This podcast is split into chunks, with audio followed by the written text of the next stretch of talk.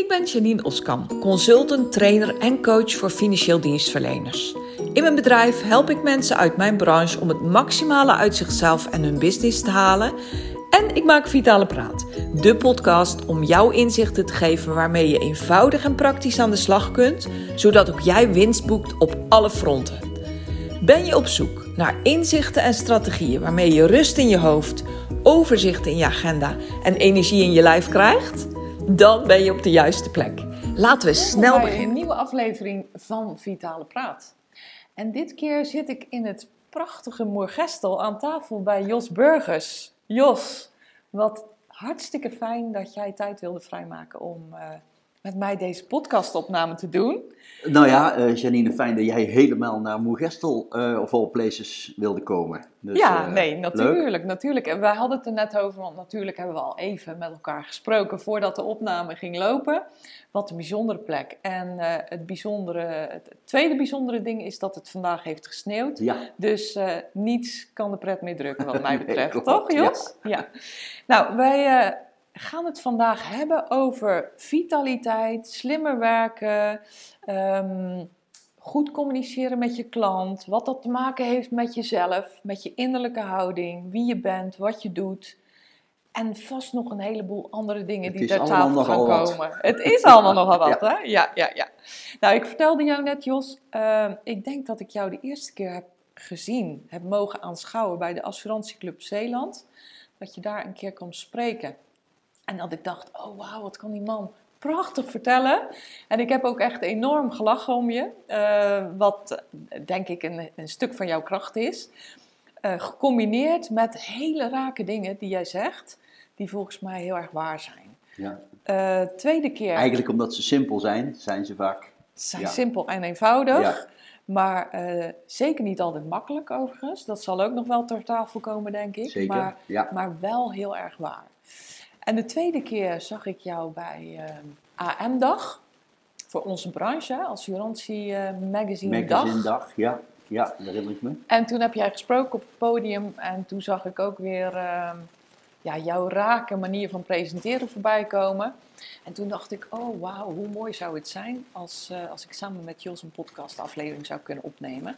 En ik kon je nog net bijna aan je jas trekken voordat je de deur uit verdween. En toen, eh, ja, zo is het gekomen, zeg maar. Klopt. En nu zitten Ja, we hier. En het is gelukt. En het is gelukt, Ja, wat fijn hè? Ja, dus, eh, nou ja, ik wil dus heel graag met jou eh, spreken over het verband tussen het een en ander en ook met name voor onze branche. En dan bedoel ik de financiële dienstverlening, Ja, ja, assurantiemensen, hypothekenmensen, verzekeraars, banken, Ja. etc. ja. Dienstverleners. Dienstverleners, financieel dienstverleners. Ja, Ja. En ehm, dan de eerste vraag die ik jou wil stellen. Op dit moment, hè, we leven in het voorjaar 2023, de hypothekenmarkt, de huizenmarkt is iets wat ingezakt. Eh, de rente is gestegen. Mensen in de hypothekenbranche hebben minder te doen, minder dan de afgelopen jaren. En ik zie daar een heleboel ongerustheid. Ik zie dat ook bij mijn eigen cliënten. Ik zie dat in de hele markt. En in mijn optiek, mijn mening is dat je heel veel zelf kan doen door juist nu er voor je klanten te zijn, je bestaande klanten te zijn. En ik wilde graag aan jou vragen hoe jij daarnaar kijkt. Ja, zeker. Ehm, kijk, als het om de hypotheekmarkt gaat, eh, natuurlijk is de, de aanvraag, de instroom, zal ik maar zeggen, van nieuwe aanvragen, hè, eh, ja, dat wordt vanzelf minder op het moment dat er minder vraag is naar woningen en minder. eh, maar ik denk wel dat als het gaat over die eh, renteschommelingen, hè, van, van anderhalf naar vier, vier en half enzovoorts, er zijn er nog steeds natuurlijk bijvoorbeeld veel mensen die hebben een hypotheek lopen al, al lang van 6%, 7% enzovoorts. En ik kan me voorstellen dat die mensen zich wel eens zorgen maken van oei oei oei, eh, gaat hij nou weer terug naar de 2 of gaat hij straks weer naar de 6 of zou ik misschien nu eens iets moeten doen? Je zou je ook eh, kunnen afvragen als ik nou eens elke dag één klant bel eh, met de, die, nou, die op dit moment een hypotheek heeft lopen met een bepaald percentage. En, en die bel ik eens en ik zeg heb je, maak je je wel zorgen, heb je er wel eens over nagedacht, ik kwam er toevallig tegen in mijn dossier. Dan denk ik dat je elke dag een heel leuk gesprekje hebt met een klant. Eh, en, en daar komen altijd dingen uit voort. Mhm. Eh, vooral als je het niet doet met een, een vooropgezet doel om iets eh, opnieuw af te sluiten. Of, of opnieuw eh, de hypotheek te verlengen. Of Mhm. wat dan ook. Maar op het moment, ja, daar geloof ik zelf heel erg in. Als je zeg maar de mindset hebt van helpen.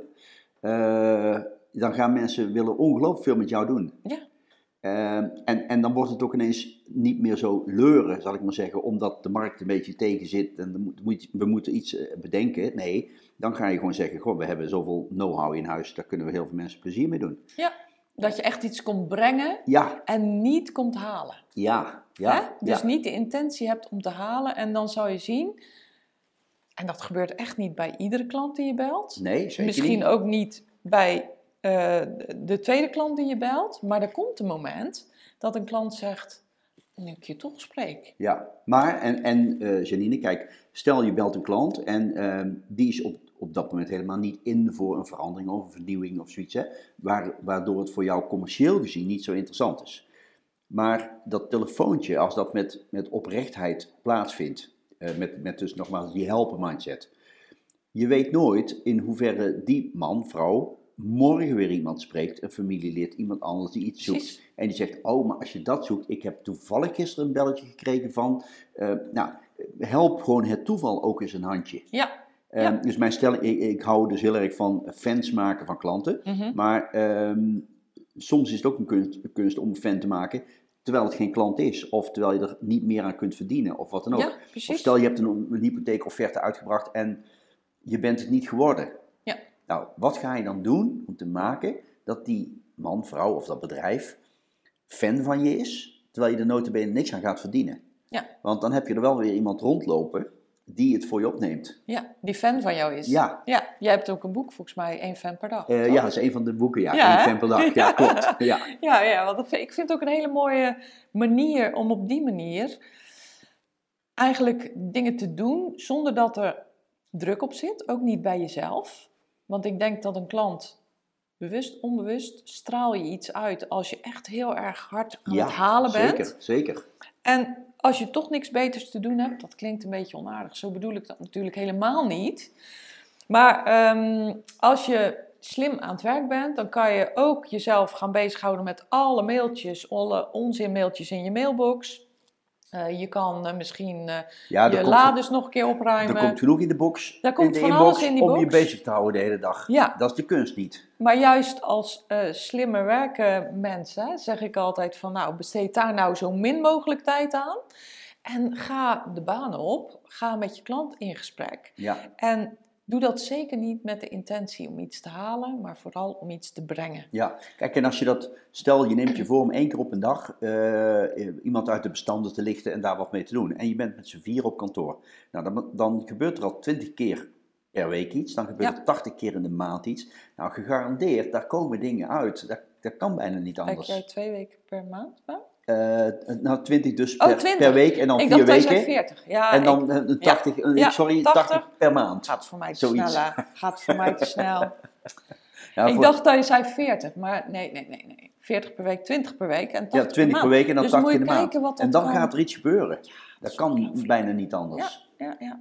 Want ehm, nou, uit de statistieken blijkt hè, dat, dat als mensen dat gaan doen, dat er ongeveer bij 1 op de 10 klanten iets uitkomt. Oké, Nou, dat is nog best veel. ja, dat zeker. En dat hoeft niet iets groots te zijn. Dat kan ook zijn, oh wacht, maar ik heb nu eh, een snorfiets gekocht en die moet nog verzekerd. Ja. Of eh, mijn Ja. dochter die is op zoek naar een Ja, huis. Of we hebben het toevallig net pas gehad over die inboedel. Is dat eigenlijk nog wel up-to-date? Of ja, dat- Ja, dus hoe dan ook eh, komt er iets uit voort zonder dat je die bedoeling hebt. ja.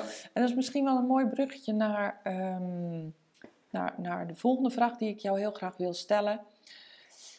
Als ik, ik heb natuurlijk ook de laatste dagen eh, wat, wat dingen van jou geluisterd. ja. Ik ben sowieso fan van je, maar dat betekent niet dat ik dagelijks luister. En ik dacht van, goh, ik zal nog weer eens even gaan luisteren. En daar valt me op dat jij heel erg ehm, nadruk legt op het zelfleiderschap van de mens. Hè? Van Ja. Je bent zelf de leider van ja. je eigen gedrag, van hoe je doet, wat je doet eh, en hoe je dingen doet. Hoe kijk jij daarna? De, ik heb het altijd over de innerlijke houding van iemand.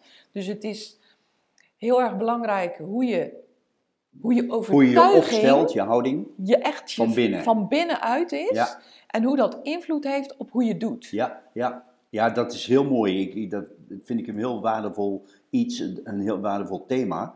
Ehm, wat je die noemt die in- innerlijke houding. Houding is natuurlijk van hoe sta ik ergens in? Hoe kijk ik ergens naar? En dat dan van binnenuit. Hoe- ehm, en ik geloof heel erg dat hoe je communiceert, eh, dat, dat hangt af van hoe je innerlijke houding op elementen is. Maar ik zal een voorbeeld geven. Mhm. Over, in dit geval ging het over een financieel dienstverlener. Ik zal even de, de naam niet noemen, want het is niet zo aardig. Maar in ieder geval, Mhm. ik had contact vrij recent met een, een, financieel dienstverlener.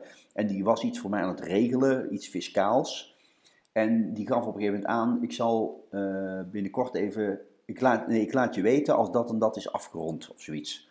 En eh, hij wist dat ik daarop zat te wachten. Dus na een poosje eh, had ik nog niks gehoord. En Mhm. hij zou mij die week iets laten, en ik had nog niks gehoord.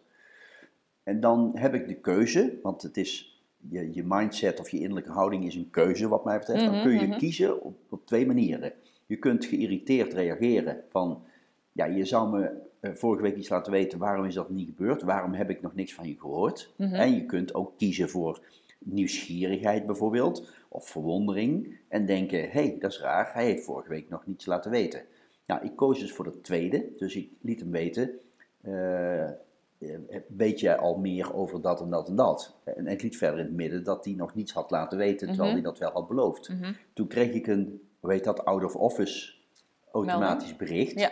dat zijn vader plotseling op hele jonge leeftijd was overleden. Ja. Dat hij hem daarom die reden niet was. Ja. En dat hij, nou ja, dat anderen op de zaak enzovoorts. Een heel triest verhaal. Ja. En toen dacht ik, toen was ik zo blij dat ik dus had gekozen Ja. voor de nieuwsgierigheid en de verwondering van waarom heb je nog niets laten weten. Ja. In plaats van het verwijt of de beschuldiging van je zou me toch iets laten Je weten zou- enzovoorts. En ik denk dus dat we ja, die keuze steeds hebben van hoe we communiceren. Zeker. En dat wil niet zeggen dat je ooit niet eens een keer boos mag zijn of eens een keer zeggen, nou nu is het gewoon een keer genoeg. Of Mhm. natuurlijk, dat hoort er ook Mhm. bij. Maar in veel gevallen reage- reageren we sneller geïrriteerd of gefrustreerd of wat dan ook, terwijl we de keuze hebben om het niet te doen. Ja, absoluut, absoluut. En, en dat is wel een mooi voorbeeld wat ik dan ook kan geven.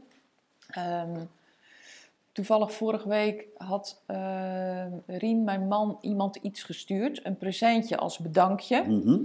En ehm, hij had er helemaal niets op gehoord. En dat is bijzonder. Hè? Dus eh, dat, dat is eigenlijk niet wat je verwacht. Nee, nee, klopt. En dat pakketje was afgegeven bij de plaatselijke supermarkt, want diegene was niet thuis. En het is niet opgehaald. We kregen een berichtje terug van: hé, hey, het gaat terug naar de leverancier, want het is niet opgehaald. En Rien zei: Nou, ben ik helemaal niet van hem gewend. En ik zeg: Ja, maar dat is voor mij eigenlijk een signaal dat het eigenlijk niet zo goed met hem gaat. Dat het zomaar zou kunnen dat het niet goed met hem Ja. gaat. Dus laten we eens gaan informeren of dat misschien aan de hand is. Ik heb niet. Dit is een cliffhanger, want ik weet niet hoe het is. Want dit is nog vrij recent. Ja. Maar in plaats van geïrriteerd Ja, te zijn, Ja, van nou, we sturen je een cadeautje en je haalt het niet eens op. en de ondankbare... dit-. Wat ondankbaar. Nee, ik denk dan werkelijk van, hé, hey, dat is bijzonder, want zo kennen we die persoon helemaal niet. Dus het zou heel goed zo kunnen zijn dat er iets aan de hand is. Laten we daar eens naar gaan kijken. Maar dan ga je er met een, ook voor jezelf, een heel andere houding in Ja. dan wanneer je geïrriteerd, boos, Ja. eh, teleurgesteld of wat dan ook voor negatieve emotie daaraan vastplakt. Ja. Toch? En, en die, in- die innerlijke houding kun je ook gebruiken als reactie op die anderen. Dus eh, je kunt ook. ehm, ja, ik, hey, ik vertelde je daar straks dat ik, dat ik onlangs eh, stewardessen voor me heb gehad, een grote groep steward- stewardessen, waarbij het ging over gefrustreerde, geïrriteerde passagiers en die een vlucht hebben gemist of die hebben lang hebben moeten wachten of wat dan ook. Hoe ga je daarmee om? En het ging ook over mensen die ehm, uit de hoogte doen. Eh, Mm. die, die zeggen, ja, dat maak jij hier niet uit, of dat bepaal ik wel, of, eh, enzovoort. Oh ja. En die financieel dienstverleners zullen ook wel eens te maken hebben met mensen die een beetje uit de hoogte, Mhm. of eh, ja, van ehm, je hebt maar te doen wat ik zeg, of wat dan ook. En toen was een van mijn adviezen, en dat heeft weer met die mindset te maken, is als iemand nu uit de hoogte doet, dan kun je ervoor kiezen om met zo iemand te doen te hebben. Ja. Want ehm, op het moment dat iemand eh, geïrriteerd uit de hoogte doet naar jou en je gaat eenzelfde houding aannemen. Je gaat ook een beetje van, eh, nee, het maakt hier wel uit. Het is Mhm. ons toestel, u bent hier bij ons en ik maak dat hier wel uit. Dan ga je eigenlijk het gedrag vertonen wat je veroordeelt in die ander.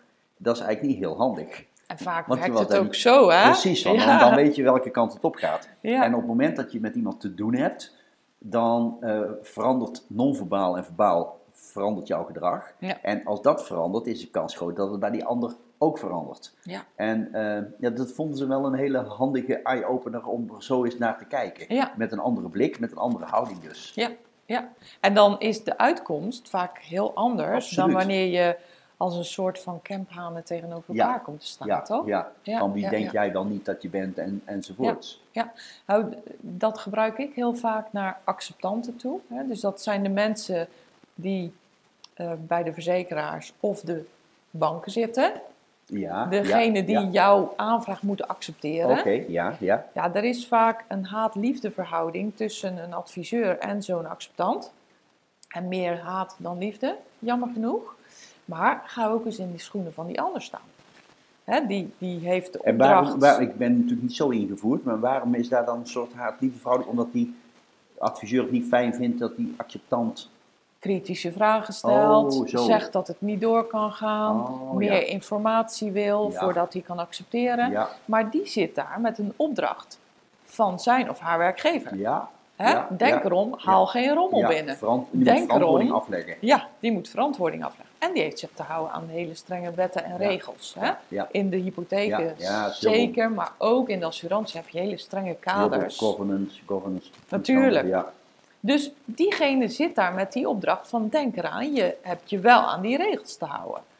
En de adviseur, die wil graag voor zijn of haar klant het product in orde maken. Maakt eigenlijk niet zoveel uit of dat nou een hypotheek is of een ingewikkelde verzekering. En Kijk, een standaardverzekering die gaat er automatisch doorheen, er komt geen mens meer aan te pas. Maar heb jij een hypotheek of een uitgebreide ingewikkelde verzekering, ja, daar moet een mens aan te pas komen om die te accorderen, om het maar zo te zeggen. Dus wat ik heel vaak zie, is dat er ongelooflijke ineffectieve communicatie tussen die twee partijen is. Waarbij ze heel star gaan doen. En dan denk ik, waarom? Want ze dienen één doel. ja, ja. Ze dienen uiteindelijk één doel. Ja. En dat is voor die klant zorgen dat hij een product krijgt. Hypotheek, verzekering, wat dan ook. Als die twee beter zouden samenwerken, elkaar beter zouden begrijpen, want daar gaat het over, dan zou die, eh, dat product veel makkelijker en sneller afgesloten kunnen worden. ja. En, en het is ook veel plezieriger, Ja, de wijze dat. waarop dan alles Ja. gaat. Ja, ja, Dan klopt. wanneer je denkt, nou, Ja. nou, ik even moet verzamelen, ik ga zo bellen, maar dan krijg ik die of die weer aan de telefoon. Ja, ja. Hoe zou het nou zijn? En ja, heel de- want- eerlijk, Want, wat je zegt, hè, dit geldt natuurlijk ook allemaal voor eh, collega's, onderling, intern. Het is niet alleen maar naar klanten naar buiten, maar dat hetzelfde verhaal. ook. Ja, Ja. ja. En ik ben zelf ook een hypotheekadviseur. Ik doe nog af en toe een hypotheekje voor de lol, hè, om, om het in de vingers te houden. En wat ik eigenlijk altijd doe, is ehm, die ander laten weten dat ik zijn of haar positie begrijp. Ja, ja, ja. ja, En- ja. Eigenlijk stel ik altijd de vraag, niet letterlijk, maar van goh, hoe kunnen we nu samen met z'n tweeën zo snel mogelijk die eindstreep halen? Want dat is toch wat we willen. ja. En ik merk dan heel vaak dat de ander met weerstand het gesprek start. Die zijn dus helemaal niet gewend dat, ze, ja, eh, dat ik een connectie wil maken. Ja, dat is toch eigenlijk triest. En als je die connectie hebt, dan zie je dus, net als bij klanten, dat mensen heel erg bereid zijn Ja. om veel voor Ja, jou te gaan doen. Ja. Ik ken die acceptanten dus niet, maar dat zijn ook net mensen, denk ik. Het zijn net mensen. Ja, het is ongelooflijk. Ja. En die Dus- adviseurs ook. Dus de kans is groot ook dat die ook best begrip hebben als jij dat hebt voor hen. Ja, ja. Maar dan denk ik, waarom... Nou ja, goed, afijn. Ik, ik zie daar nog wel een heel stuk eh, eh, te winnen. Ja, En ehm, ik vind het ook altijd heel erg leuk om juist met de acceptanten te spreken over de adviseurs. Want voor hen geldt hetzelfde. Dus zij kunnen tuurlijk. ook Omgekeerd ook. omgekeerd ook Ja. in de schoenen van die adviseur Ja, gaan staan. En denken van, hé, hey, hoe zou het nou voor jou zijn? Want het wordt ook tussenpersonen genoemd. Maar, maar je zit echt ook tussen twee vuren in. Dus enerzijds je klant, die wil iets van je. En die wil vaak net iets te veel van je. Dat is ook de waarheid. En anderzijds zit die maatschappij of die bank... En die zegt, ja, maar ho eens even, ho, ho, ho, ho. Maar dat gaat zomaar niet. Dat is eigenlijk hè, in grove lijnen Ja. hoe het is. Ja, En jij zit daar letterlijk tussen. Is net als in bedrijven. Die tussenmanagers, die ja hebben het ook die vaak zwaar te middelmanagers. verduren, Ja, ja, Ja.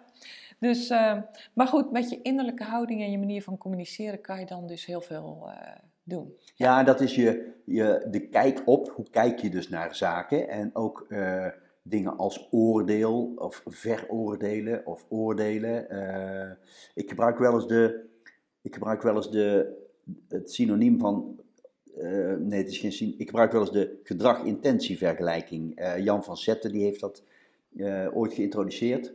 En ik gebruik het nu op een wat andere manier, maar dat gaat over de vraag, hoe kijk je naar de ander, naar een klant, naar een collega of wat dan ook, hoe kijk je? En kijk je daarnaar zoals je ook naar jezelf kijkt. Dus ehm, eh, als ik een simpel voorbeeld mag geven, als ik, ehm, als ik op de snelweg zit en ik zie iemand slingeren voor me Mhm. en ik haal iemand in en, en ik, dan denk ik, die zal wel op zijn telefoon zitten en Mhm. zitten kijken. En jawel hoor, dan haal je iemand in en denk je, potverdorie, hoe is het mogelijk? Dat moet toch eigenlijk niet kunnen en zo eigenlijk levensgevaarlijk. En nou ja, dan heb ik meteen een oordeel Mhm. over het gedrag van die ander. Ehm, op het moment dat ik zelf in de auto zit en ik kijk op mijn telefoon, dan vind ik het ook echt nodig. Dan, dan denk ik, ja, dat Kan niet even niet Kan anders. niet anders, dat is, ja. ik had toch liever niet gewild, maar het kan even niet anders. En dan, eh, wat ik dan doe, is mezelf afrekenen op mijn goede bedoelingen Mhm. en niet op mijn gedrag. Nee. En ik reken die ander dus af op zijn gedrag en mezelf op mijn goede bedoelingen. En op het moment dat je nou je voorneemt om die ander voortaan ook eens te, te beoordelen op zijn of haar goede bedoelingen, dan krijg je ineens ook een hele andere mindset. Ja. Want dan denk je, ja, hij zal dat waarschijnlijk zal- niet zomaar doen. Nee, het zal wel nodig zijn. Het zal nodig echt wel zijn. nodig. Anders zou hij het Nee. echt niet doen. En dan word je ook wat, wat liefdevoller naar een ander, zoals je eigenlijk dan ook naar jezelf eh, kijkt. En Ja. zoals je ook graag wil dat een ander jou beoordeelt. Van nou, als je ons op zijn telefoon krijgt, zal hij dat echt niet zomaar doen. Dat doet hij Zal niet dat, dat zomaar. doet hij niet zomaar. Ja. En, ehm, en dat is gedrag of intentie. En op het moment, dus op, op het moment dat ik op die snelweg zit en iemand snijdt mij, ja, Mhm. dan, dan kan ik dus denken, jongen, jongen, kun je niet uitkijken, noem maar op allemaal. En ik kan dan denken, ach, dat is ook erg zeg, dat je daar geen erg in hebt dat iemand snijdt. Dat zou je toch overkomen. maar dan, dan verandert mijn eigen houding, Ja. doordat ik op die manier kijk naar. En mijn eh, reactie, mocht ik die dan hebben, die verandert, die verandert ook. En door die andere reactie van mij, krijg ik ook weer een andere reactie terug. Ja. En daar wordt het heel erg plezierig door. Ja. En ook heel effectief. Zeker. En sterker nog, over vitaal werken gesproken. Ik denk ook dat het vele malen vitaler is. Ja, dat denk ik om ook. op die manier te reageren. Dan, ja, ja. dat, dat is ook nog wel ook in de auto eh, een mooi voorbeeld. Ik had vorige week, reed ik ergens en ik reed denk ik iets te langzaam. Omdat ik aan het zoeken was naar moet ik nu hier inslaan of daar. Oh ja. hè? Je navigatie geeft dat aan, maar Ja. soms is het toch nog wel eens een twijfelgevalletje. ja. Toen zag ik achter me echt zo'n hele boze vrouw. Zo, de stoom kwam letterlijk uit haar oren. En toen dacht ik ook, ik dacht, ach, ik dacht, je zal toch zo jezelf druk maken in de Ja. auto. Dat dacht ik letterlijk. Ja, ja, ja. Dus dat is wel... En dan blijf je zelf heel relaxed van. Ja, ik dacht, nou ja, Ja. ja, weet je, want ik Want je kunt wel beginnen van, eh, je kunt wel zo beginnen, Nee. maar dan beginnen zij, wordt nog erger. Hè? Ja, ik denk niet dat dat bij haar, Nee. dat had gewerkt als een rode lap op Ja, stier, precies. ik. Ja. Maar ik, ik dacht ook echt, ik dacht, nou, dat is toch ook wat als je zo snel al helemaal in de hoogste boom klimt. Want dat deed ze echt. Ze zat ook helemaal achter het stuur. Maar goed, in deze wereld is dat wel echt aan de orde van Ja, de dag. dat, hè. dat is eh, zeker. En, en, en dat, ja, wat je dus die innerlijke houding noemt, ik denk dat je daar best, daar heb je elk moment van de dag de keuze in. Zeker. Welke keu- ja, eh, wel, hoe je, je kan kiezen hoe je je gedraagt, hoe je erop reageert. ja, hè. zeker. Ja, En dan ja. bepaalt je weer je communicatie, wat je dan gaat zeggen, wat je wel zegt, wat je niet zegt. Ja, Eh, eh, als ik over, over klanten en over een markt die moeilijk is misschien. ehm we hadden het over hypotheken, verzekeringen of wat dan ook. hè. Stel, dat zullen jouw eh, luisteraars en kijkers ook wel regelmatig hebben. Je brengt offerte uit voor iets en je wordt, je wordt het niet. Ja. Ja? Ja. Dan kun je een paar dingen doen. Dan kun je besluiten weer om te reageren in de zin van... Wat verdorie, dat valt me nou tegen. Heb ik er zoveel werk in gestoken en ik heb er alles aan gedaan. Ik heb ook nog een hartstikke mooi aanbod heb ik neergelegd en, enzovoorts. En dan ga je die ander in feite enorm verwijten Mhm. maken. Mhm. Maar dan moet je niet denken dat je daar vrienden aan overhoudt. Nee. En je kunt je natuurlijk ook afvragen, Ehm, besluit hebben ze nu toch genomen. Eh, ze gaan toch niet met mij in zee. Maar weet je wat, laat ik er dan gewoon een beetje aardig en eh, begripvol en behulpzaam op reageren. En je kunt ook tegen iemand zeggen, goh, nou, het is hartstikke jammer dat wij die hypotheek eh, niet mogen doen, want dat had ik graag gedaan. Alleen, ik snap het wel, want je hebt waarschijnlijk een hele goede reden om voor een ander te kiezen. Nou, dan is de kans groot dat iemand zegt, ja, dat klopt. Ja. Iemand zal zeggen, nee, ik had gewoon geen reden, maar ja, ik heb maar uh, geloten en jullie zijn het niet geworden. Ja, en, ehm, ja, en op het moment dat je dan zegt, nee, daar heb je waarschijnlijk een goede reden voor. En, eh, maar in ieder geval bedankt dat ik mee mocht doen. En, ehm, en misschien mag ik je nog een tip geven. En, en dat is, nou, ehm, ik had het idee dat er misschien nog wel mogelijk wa- was met een speciale taxatie voor dit of voor dat. Want dat scheelt je misschien wat rente nog of zo, of op termijn. Mhm. Maar die tip wil ik je in ieder geval nog even meegeven. Ja. Want wie weet dat je daar de komende jaren nog wat wel plezier aan hebt. Als je toch bezig bent en het is je vak, help dan mensen. Ook al verdien je er niks aan. Maar de kans is groot dat als ze over een half jaar of een jaar iemand weer nodig hebben, dat ze nog eens aan je terugdenken. En dat is ook een keuze die je zelf hebt. Hoe reageer je in zo'n situatie? Met Ja. beschuldigingen, verwijten, beledigingen of met ja, helpen, begrip tonen, eh, bedanken. Ja, Dat is de Ja. keuze. ja, ja. En eh, ook daar weer, ik denk dat dat laatste voor jezelf ook heel veel beter is. Ja. Maar dan haal ik toch snuf er nog even bij. Hè? eh, je hebt dan iets gegeven en de wederkerigheid maakt dan wellicht dat die net niet geworden klant denkt: Oh, dat is toch ook wel. Nou, moet ik. bewust of onbewust. Ja, En dat hij de volgende keer tegen zijn buurman zegt: Ja, maar nou ja, weet je, maar die Jos is ook echt een hele goeie hoor. Ja, wij zijn dan bij. we eh, hebben toen niet voor hem gekozen, hebben niet voor hem maar het is gekozen. echt een goed... Maar het is echt een hele goeie. Ja. Die kans, Die is, kans is groot. Ja, ja. Of iemand eh, paste op de een of andere manier met de, eh, de aanvraag of het product niet zo bij jou. Kan. Maar die spreekt iemand anders wat wel heel erg aansluit. Nou ja, dat soort dingen. Ja. Ehm, en die keuze heb je elke keer opnieuw. En het kost ook niet meer energie. Sterker nog, wat je zegt, het is ook alleen maar gewoon leuker. Het maakt je dag Voor leuker. jezelf. Ja, ja, zeker, zeker. en ik, wat, wat, als, ik, als ik ondernemers in een zaal heb, dan, ehm, dan zie ik ze soms een beetje kijken van ja, Jos, als, als ik heel eerlijk ben, als iemand niet voor mij heeft gekozen en voor de con- concurrent, hè, dan hoop ik dat het daar helemaal de mist in Dat gaat. helemaal niet goed komt. Ja, maar dan zeg ik, dat is eigenlijk een hele vervelende eigenschap, als je hoopt dat iemand heel slecht gaat, omdat dat beter is voor jou. En op het moment dat je denkt, nee, ik ga hem gewoon helpen, want ik ga tips geven, dan sta je er toch anders in. Ja, Maar dat vinden Ja, ze soms dus dat wel eens wel, dat is lastig. wel uitdagend, denk Ja. ik. Hè? Voor, eh, ja, ja, ja, dat is lastig. Of een klant die gaat bij je weg bijvoorbeeld na zoveel jaar. En, en dan is wel eens mijn vraag, wie van jullie gaat zo'n klant dan bedanken Mhm. voor al die jaren? Dan zeg ik ze, ja, bedanken, die gaat weg. Ja, dat klopt, maar die is zoveel jaar bij je geweest, dus die zou je kunnen bedanken voor al die jaren. En, eh, en dan zeg je, nee, we geven wel elk jaar fles wijn als ze blijven. Zeg, oh, dus dan, je koopt eigenlijk af dat ze blijven, maar, maar je bedankt ze niet oprecht als ze lang bij je zijn geweest. Dat is toch een Ja. andere manier van kijken. Ja, en, en denk ik een, een, een, een volgende stap voor de meesten. Hè? Wat bedoel Ja. ik daarmee? De meesten doen dat nog niet. Nee, die doen dat niet. Nee, hè? Nee. Maar ik hoor dat wel eens terug hoor, van ondernemers die het wel zijn gaan doen. Ja. En die zeggen, het is ongelooflijk wat er gebeurde. Ik Ja. had iemand die heeft een arbodienst. En er was een klant na zeven jaar vertrokken. Toen was hij daar met een grote bos bloemen naartoe gegaan. En dan had hij gezegd, ik kom je even bedanken voor die zeven jaar. En eh, Ja. ik snap wel dat je het dus ergens anders wil proberen. Nou, he- dat hele verhaal. Ja. Nog wat tips gegeven en die bloemen. En hij, hij- ik zeg, nou wat mooi man. Ik zeg, is die ook alweer teruggekomen? En toen zei hij, nee, dat nog niet, zei Oh. hij. Maar ik heb al twee nieuwe eh, klanten gekregen. Die hebben zich bij mij gemeld. En die hebben toen gezegd, nee, we hebben iemand gesproken. En die zei, goh, als je bij hem weggaat, krijg je een bos bloemen. Ja. Dus dat vonden ze al zo bijzonder. Ja, dat is ook bijzonder. Ja, ja, ja. ja dus eh, nou goed, eh, het heeft een mooie tip. Hè? Eh, neem hem zeker mee om eh, de klanten die bij je weggaan te bedanken. Ik- het is ook een hele mooie, ik denk ook dat het een prachtige afsluiting is eh, van je relatie met zo'n klant. Ja, hè? zeker. Ja, dus eh, nou, we hebben nu mensen die tijd over hebben in deze wat mindere tijd. Bedankt de klanten die vertrekken, hoe uitdagend dat ook is.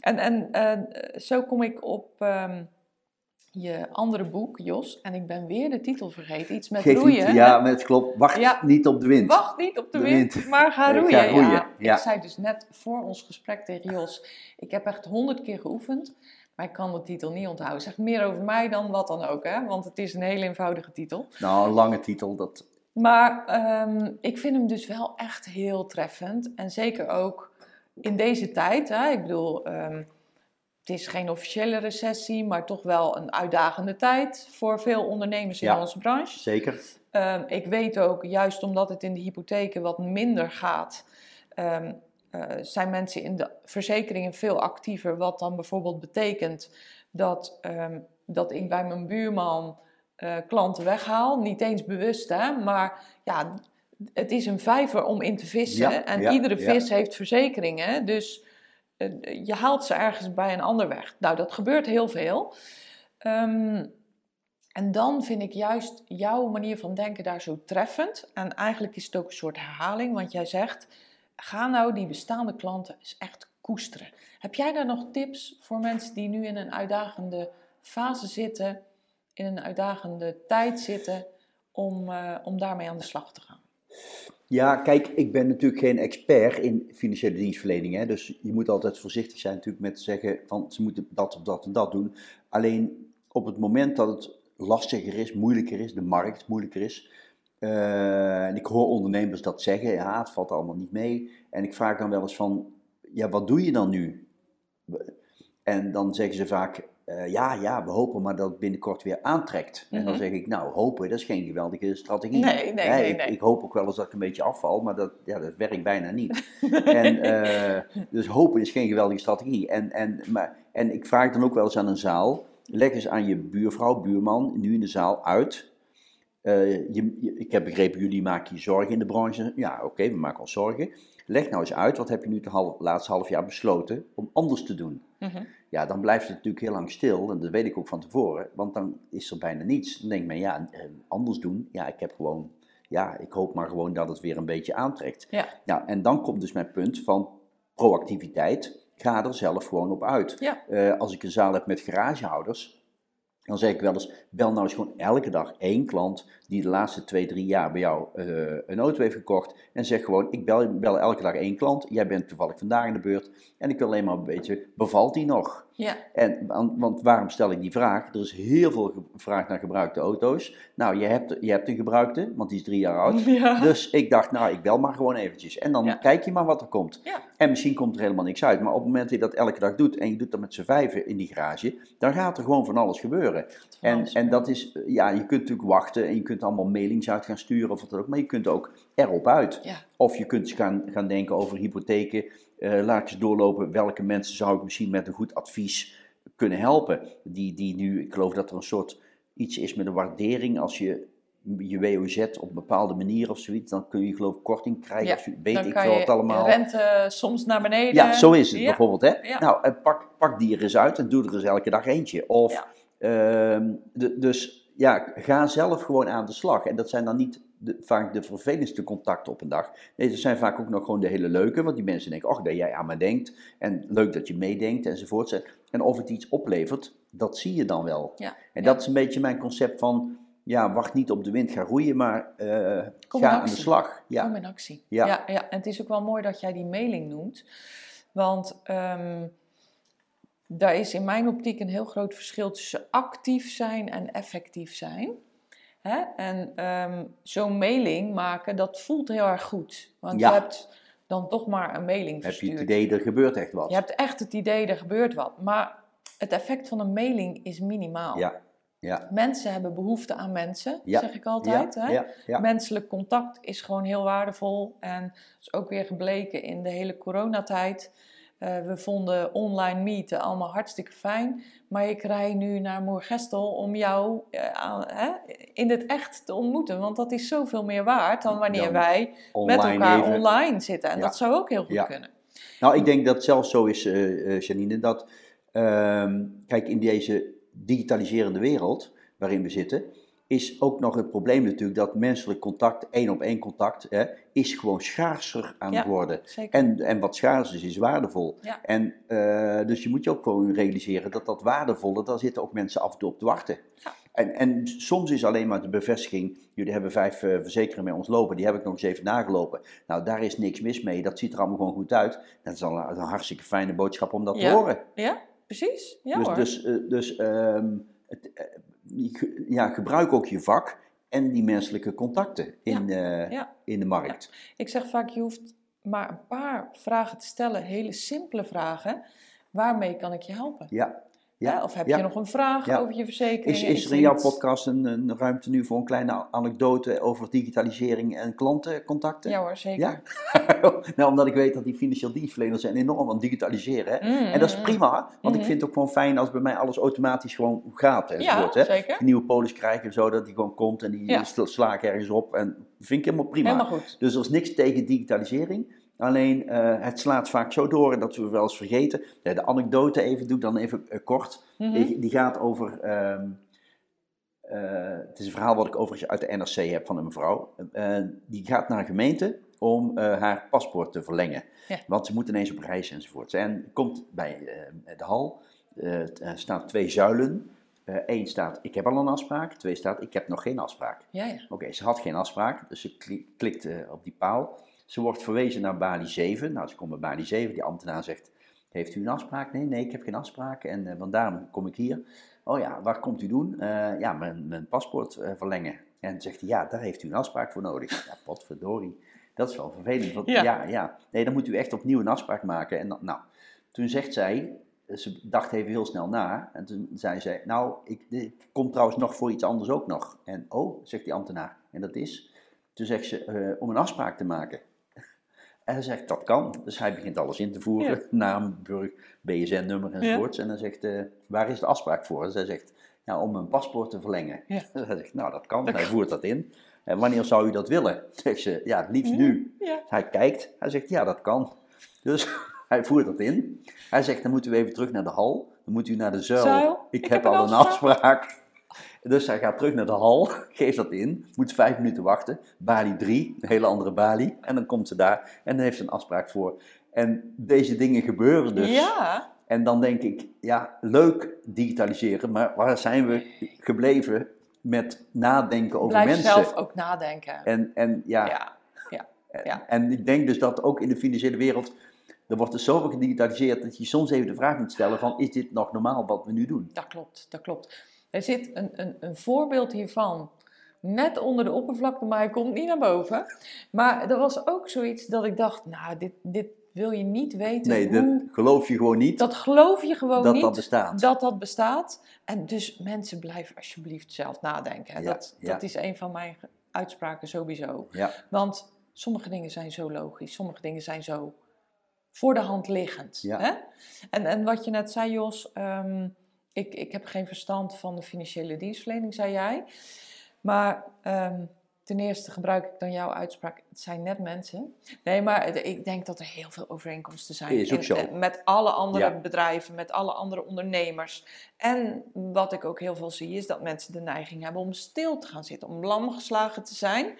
En te denken, wat nu? Nou, dan ga ik maar een mailtje sturen. Dan ga ik juist maar mijn mailtjes meer lezen. Dan ga ik mijn mail maar op ongelezen zetten en daarna weer op gelezen. Of ik ga, ik ga ze in, in- indelen in mappen. Dat, eh, dat voelt allemaal goed. of eens opschonen. Of eens eh, opschonen. ja. Of, eh, nou ja, maar dat- geeft allemaal een goed gevoel. Maar uiteindelijk brengt het je niet verder. ja, dus zeker. wat zijn nu de dingen waar je echt het verschil kan maken? Om dat woord dan maar eens te gebruiken.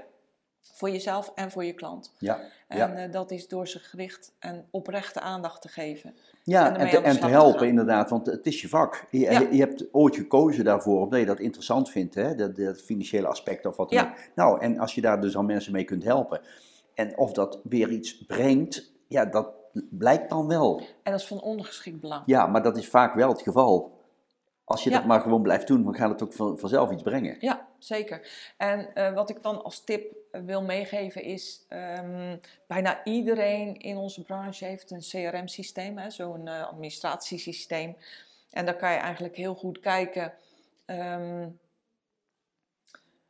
naar je verschillende klanten. Hè? En ik zou zeker het advies mee willen geven van, pik er daar wel de klanten uit waar jij ook van denkt, eh, die kunnen het het best gebruiken of die eh, hebben het het meest nodig.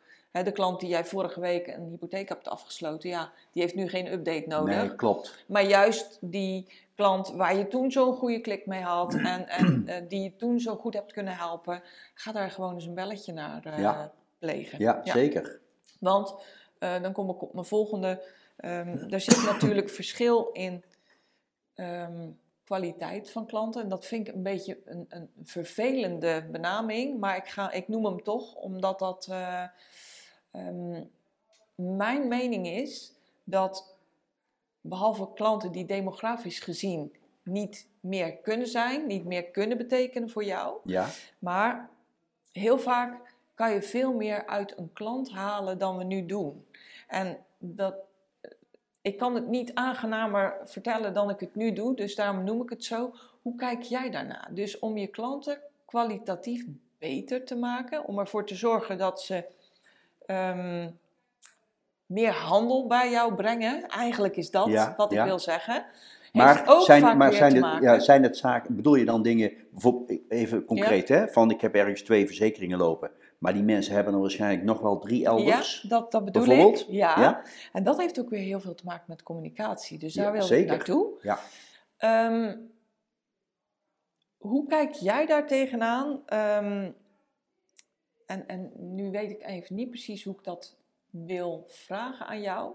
Maar wat kunnen de dingen zijn waarmee jij je klanten kan verleiden Ja, zonder dat dat ehm, ehm, een, een negatieve lading ja heeft? maar ik, ik, denk dat ik, begrijp, wat- ik denk dat ik begrijp wat je eh, bedoelt, Janine. Ehm, ik zou allereerst willen zeggen, eh, je wilt iets blijkbaar, hè? Je wilt Mhm, iets, hè? mhm. Zeg gewoon wat je wilt, Ja. met respect. Ja. Dat daar begint het mee. Op het moment dat je bij een klant aan tafel zit, of een klant komt bij jou op kantoor, of je hebt iemand aan de telefoon, en je hebt twee verzekeringen lopen, en je denkt, die heeft er nog drie. Ja. En je zegt, ja, mag ik gewoon iets, even iets geks vragen aan jullie, of iets geks zeggen? Ehm, jullie hebben waarschijnlijk een verzekering lopen enzovoort. Hè? Ik zou het nou zo fantastisch leuk vinden eh, als ik dat zou mogen regelen. Ja. Of als je die bij mij onder zou willen brengen.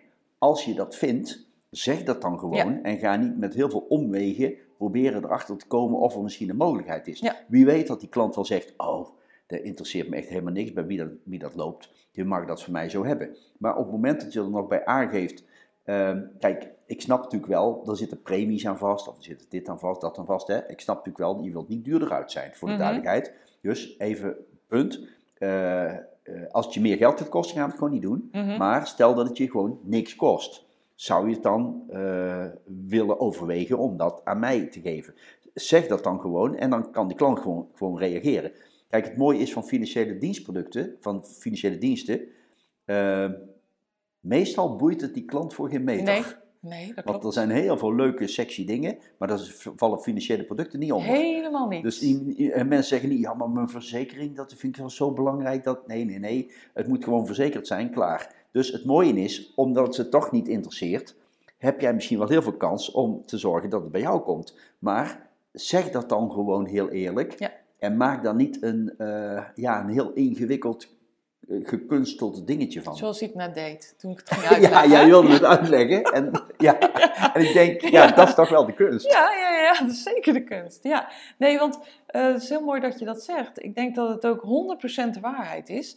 Ehm, mensen denken er vaak niet bij na, vinden het helemaal niet boeiend. En als je ze er concreet naar vraagt, en inderdaad, dat vind ik wel een hele mooie tip van jou van, goh, je zou me echt een enorm plezier doen als. Ja, Kijk, dat- want weet je wat grappig is? eh, op het moment dat je aan mensen vraagt, hè, wie van jullie vindt het leuk om iemand te helpen? Ja? Dan gaan er vaak heel veel handen omhoog. Oh ja, ik vind het best leuk om iemand te helpen. Als het zo uitkomt, als het zo past, ja, dan wil ik best iemand helpen. Ja. Als je aan iemand vraagt, hoe vaak vragen jullie mensen om hulp? Je, ja, dat doe ik niet zo snel. Hè. Om hulp vragen doe je niet zo snel. Ik zeg, maar dat is heel gek, want die mensen willen allemaal heel graag helpen. Je hebt het net gezien. Ja. Ja, als je in de zaal Heb je zit. dat gezien? Ja, ja, ja. Dus nu wil jij graag verzekeringen. En, die, en, je, en je weet, mensen helpen graag. En dan zeg jij het gewoon, "Goh, je zou me geweldig kunnen helpen. ja. Ja, als je dat dan zegt en ze denken, oh nee, dat vind ik graag. eh, helpen doe ik heel graag. Komt Ja. toevallig goed uit. Ja. Zeg dat dan gewoon. Ja, ja, ja. Dus dat is wel een hele mooie om het eigenlijk ook nog ehm, menselijker te maken. Ja, hè? Want dat ja. maakt het heel erg menselijk. Ja, zeker. Ja, dan dat je er allerlei eh, ingewikkelde theorieën aan ophangt, maar gewoon zegt, eh, ja. Dus dat is denk ik in deze tijd, ik ben er trouwens van overtuigd dat je je klant er wel echt mee helpt. Want een pakket, hè, ik zeg altijd, ik geef altijd als voorbeeld, jij hebt vast een, een opstalverzekering en een inboedelverzekering. En er zijn bepaalde schades die beide verzekeringen raken. Oh ja. Nou, dan heeft de maatschappij nog wel eens de neiging, als de andere verzekering niet bij dezelfde maatschappij loopt, om te gaan zeggen: nee, maar dan moet je bij je opstalverzekering zijn. Ja, ja. Vervolgens zegt die opstalverzekering: nee, maar dit hoort echt bij je inboedelverzekering. Als je ze beide op één plek hebt, dan zeg je maatschappij: succes ermee.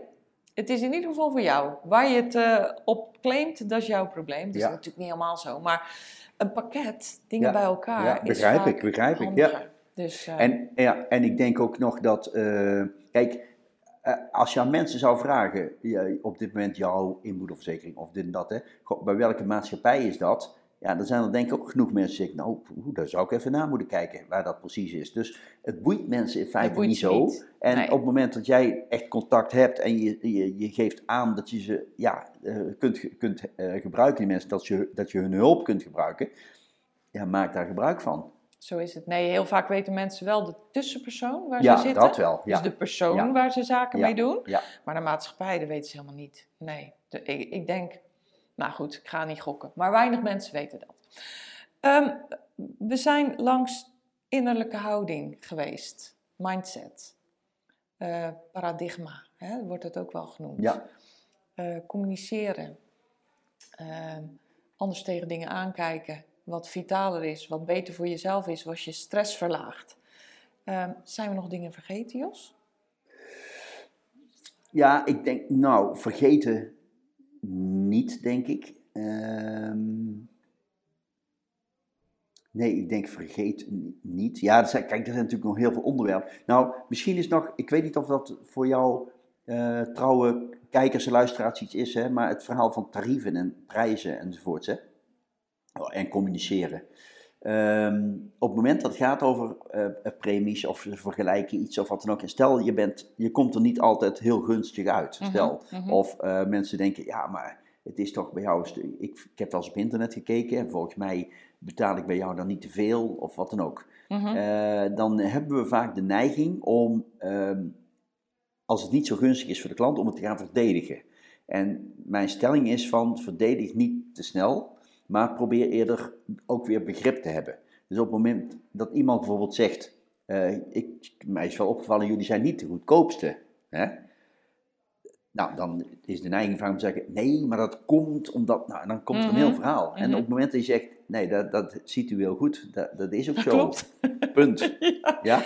Ja. Dan, en je wacht dan weer eens even en dan ga je kijken wat die ander zegt. Uh-huh. Dan is de kans dat die ander zegt, nou ja, ik denk ook wel dat jullie natuurlijk wel een naam zijn en dat is natuurlijk wel even Oh wat anders dan wat ik op internet aantref. Dus laat die mensen ook even gewoon hun, eh, maar dan hebben we al de neiging om het meteen te gaan verdedigen. En als je, en als je gaat verdedigen, dan zeg je eigenlijk tegen die ander dat hij het niet echt snapt. Ja. En dan komen we weer op dat puntje van wederkerigheid. Als iemand uitlegt dat het niet snapt, gaat hij jou uitleggen dat jij het niet snapt. Ja. Dat is het gevolg. En, eh, en dus laat mensen dan ook even in hun waarde, als ze je duur vinden of te duur, of die premie valt tegen of wat dan ook. Hè, en zeg ja, het is ook gewoon veel geld. Ja. Gewoon, Punt. het klopt en Ja. dan je mond Ja, houden. en en, dan dan, je mond kijken wat er houden. komt. Ja, Ja, dat is wel een gouden tip. Ja, ja, ja. Want dan sowieso, hè, je mond houden, even stil zijn, is heel erg waardevol. Ja. Want dan gaan mensen ik kan het ook heel moeilijk, hè? Dus voor de, ik, ik snap hoe lastig het is, hoor. Ja, ja, ja, ja. Oh, ik vind het wel een hele mooie. Die ga ik zeker uittesten. Ja, ja, ja. Want, laten we wel zijn, er zijn natuurlijk prijsverschillen. Eh, en dan hebben wij als tussenpersoon de neiging om de voordelen van ons op te gaan noemen, hè, van onze dienstverlening. En die zijn er ook in mijn optiek.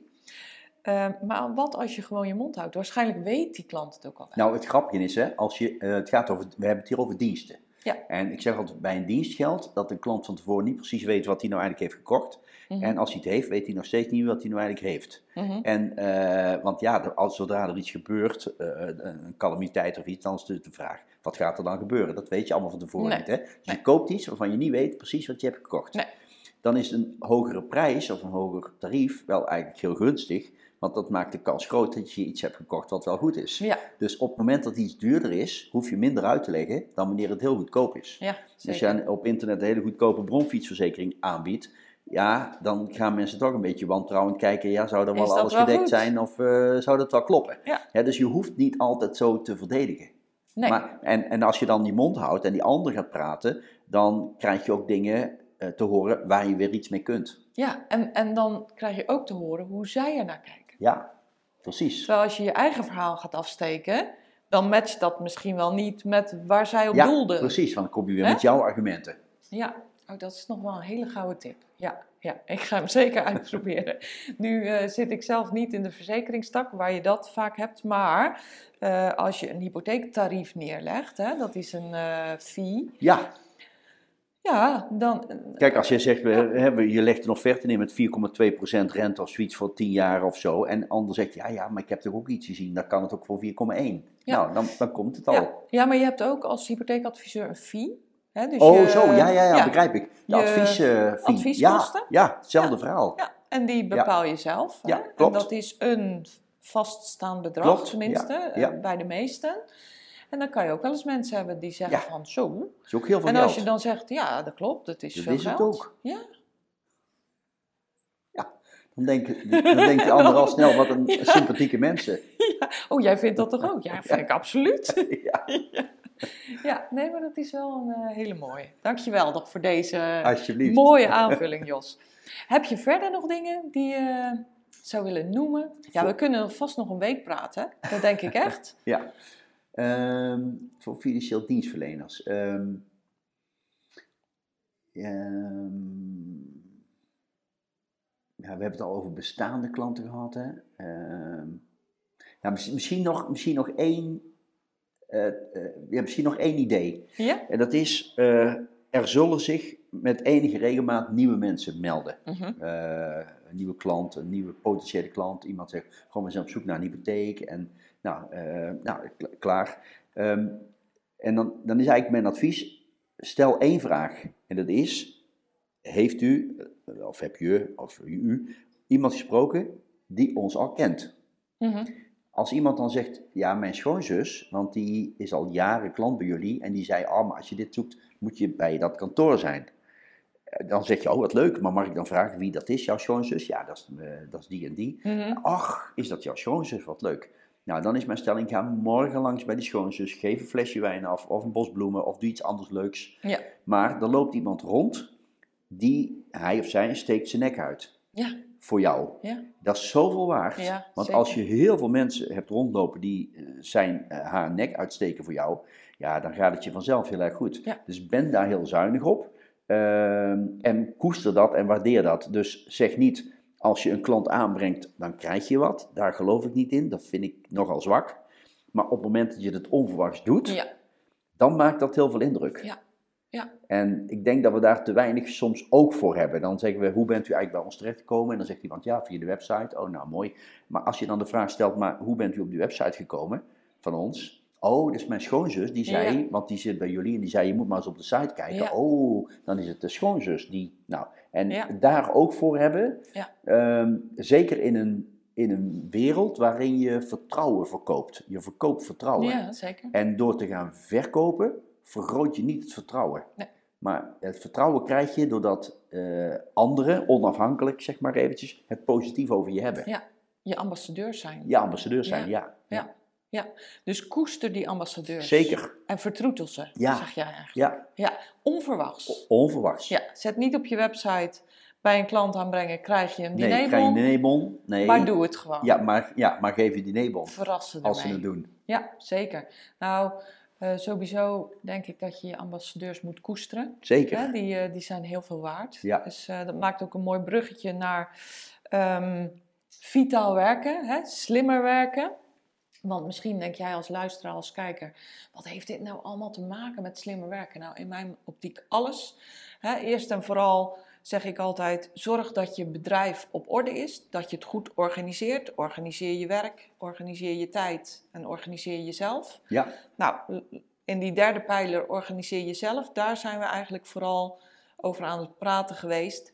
En als je die eerste twee doet, hè, zorg dat je de juiste dingen doet en de dingen die je niet doet doen, laat die varen. Eh, bewaak je tijd en maak een goede planning. Dan kom je vanzelf op die derde uit, want dan heb je meer tijd om, eh, om daarmee bezig te zijn. En daar eh, hebben wij het vandaag over gehad. ja Dus zeker. dit heeft allemaal te maken met slimmer werken. Heel erg bedankt Jos voor jouw fantastische inbreng. Voor het delen van jouw mooie verhalen en jouw kennis en kunde. Het was echt een hele kleine moeite. super dat je naar hier wilde komen.